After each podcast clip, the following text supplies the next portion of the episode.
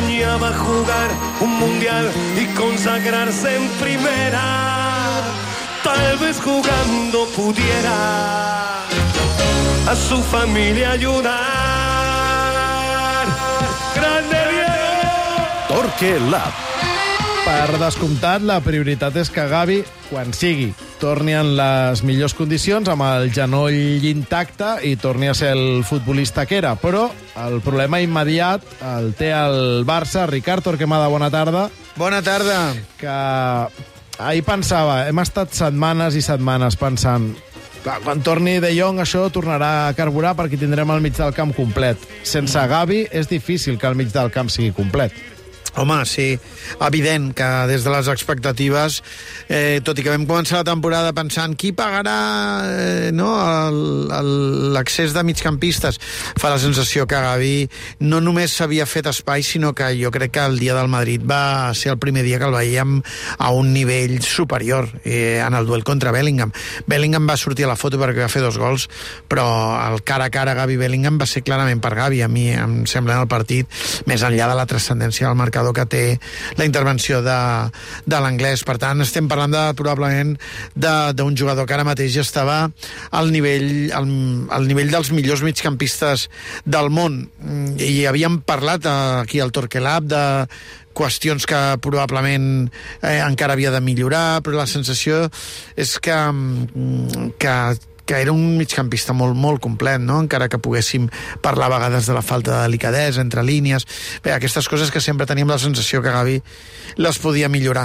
Per tant, del, de, des de les expectatives ja és molt difícil imaginar-nos el migcamp que ens podíem imaginar però jo crec que la circumstància més immediata mirada des del punt de vista col·lectiu és que dilluns passat vam deixar el Torquelà parlant del si tornàvem als quatre migcampistes mm -hmm. i jo crec que, que aquest accident doncs eh, crec que clarifica el futur. Jo crec que, que el Barça continuarà jugant amb 3 i Joao Fèlix és a dir, la gran majoria de minuts. Amb 5 migcampistes nominals que et queden a partir d'ara, amb De Jong, amb Pedri, amb Gundogan, amb Fermín i amb Romeu, mm, més alguna aportació que pogués venir del, mm. del filial, no veus possibilitat, o, o sí, possibilitat n'hi ha, però no, no veus que, mm. que faci sentit que Xavi continuï apostant pel quadrat.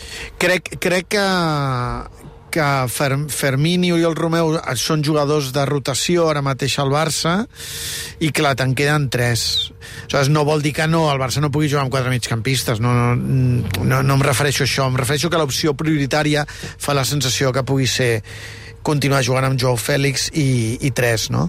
Eh, perquè també necessites jugadors de, de rotació. Mm -hmm. És que mhm. necessitaràs injeccions, perquè ja veiem que o sancions o petites lesions. Sí, sí, Fermín, des que ha aparegut, és que ha tingut moltíssima continuïtat, ni ell s'ho hauria imaginat, i la continuarà tenint, i el Barça necessitarà Oriol Romeu, perquè és que eh, és gairebé una obligació amb cinc, eh, eh, amb cinc migcampistes que, que vagin repartint-se minuts. Però la sensació que tenia la setmana passada de dir, bé, ara tornen tots, Xavi haurà de tornar a triar, no? Li interessa més control, Joao Fèlix no s'ha relacionat bé amb el gol, eh, eren dues eh, escenes o dues eh, fotografies de, del Barça amb quatre migcampistes o tres Joao Fèlix que entraven, diríem, una mica en litigi.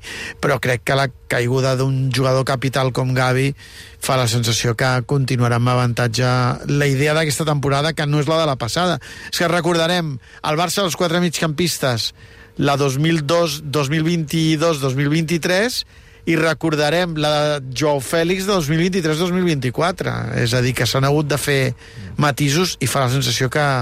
Vaja, a mi em fa la sensació que serà el camí més, més sòlid. Això pel cap baix fins que s'obri el mercat d'hivern, que ja us hem explicat abans, que ara sí. mateix el Barça ha d'acabar de decidir si aposta per, uh, fermament per Vitor Rocky o si, si busca un, un migcampista. Para entender eh, lo que está explicando y la dimensión de, del agujero y del boquete que deja Gaby, el Barça pierde dos de esos cuatro centrocampistas que dominaron la liga la pasada temporada. Lo perdió a Busquets al inicio eh, de la temporada y ahora pierde a Gaby con lo cual ese dibujo y ese formato ya no lo puede repetir, porque el tipo de centrocampista que le queda a Xavi en la plantilla le impide o al menos es mi opinión, le impide dibujar el Barça de los cuatro centrocampistas, que fue donde dio el salto hacia adelante y donde se consolidó y acabó ganando la Liga con, con mucha claridad. I hi ha una altra qüestió, Ricard, que, Sí. que n'hem parlat molt, la, la pèrdua de la, de la qualitat de la pressió en camp contrari que, que mm. estava fent l'equip aquest any, clar,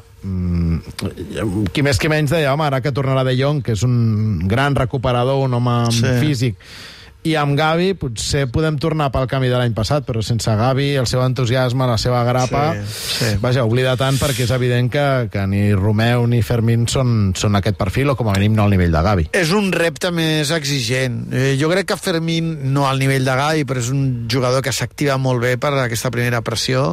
Eh, crec que una mica segueix la línia de Gavi, el que passa és que la, la fortalesa en els duels que té Gavi és impossible que la tingui Fermín perquè no la té probablement cap altre jugador al món, sobretot des de les seves capacitats físiques. No?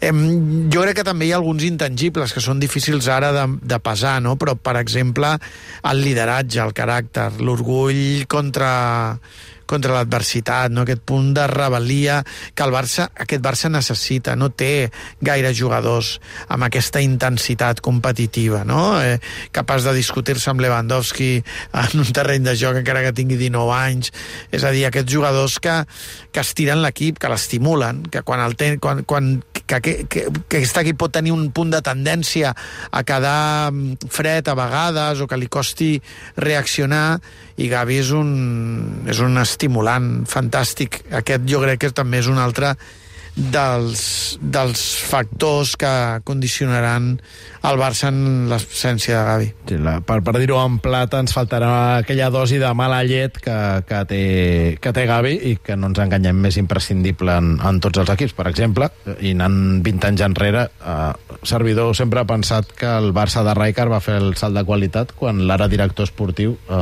el senyor Deco, va arribar al primer equip i va portar aquell punt de, Vaja, de mala llet que no tenien la resta de, de migcampistes.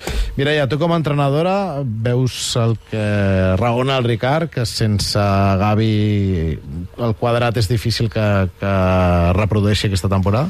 Bueno, jo, jo sí que ho comparteixo, però crec que potser en algun moment ho provarà. És a dir, amb, amb Romeu, Gundogan, Pedri, Fermín, no sé si en algun partit Xavi Home, no, no et deixis de per Jong això. perquè llavors ja pleguem. El què, què, perdó? que t'has deixat de Jong en el, en el quadrat. Ah, De Sí. Jong. Bueno, doncs De Jong, Gundogan pod podria ser una opció. Però sí que és cert que, que crec que tirarà més per aquests tres migcampistes i ajuntar el fals extrem esquerre que sempre es fica cap a dintre.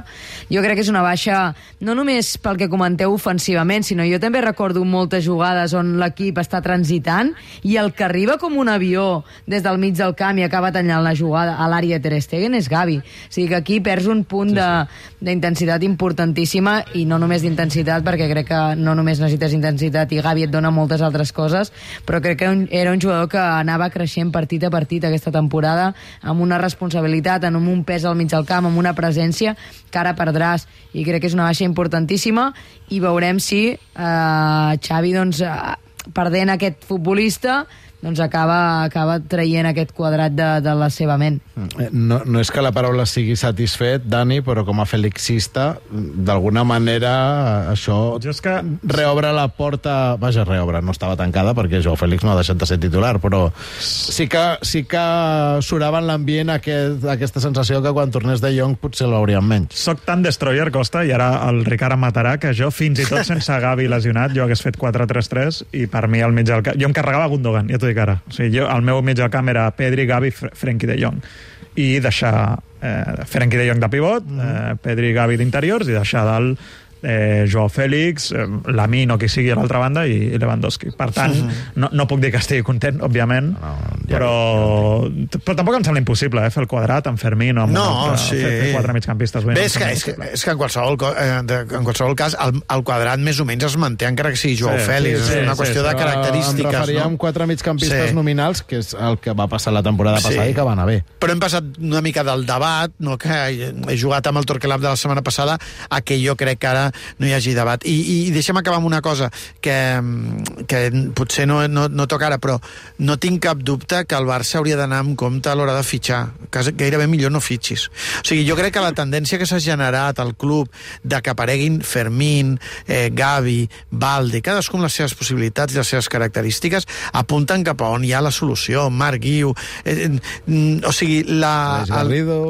El, clar, Aleix Garrido o, o Unai... Eh, però el que vull dir és, si, si aquesta línia està donant moltes més satisfaccions que fitxar futbolistes, eh, que vas al mercat i tornes a mirar l'aparador, aviam si n'hi ha algun que s'ajusta exactament No, al clar, que tu vols... Ha de ser un jugador que te'l cedeixin per mitja temporada, perquè tampoc pots assumir gaire I, més. indi i indiscutible. O sigui, o, o bé algú que és indiscutible, sí. o si no, eh, el Barça, amb la situació econòmica que té, de límit salarial, és, és que mm, la vida li està dient al Barça, li està enviant un missatge que miri cap avall que és que, que els que arriben poden arribar amb un rol secundari, amb un rol principal, però si queden i sumen, i cadascú des de les seves circumstàncies.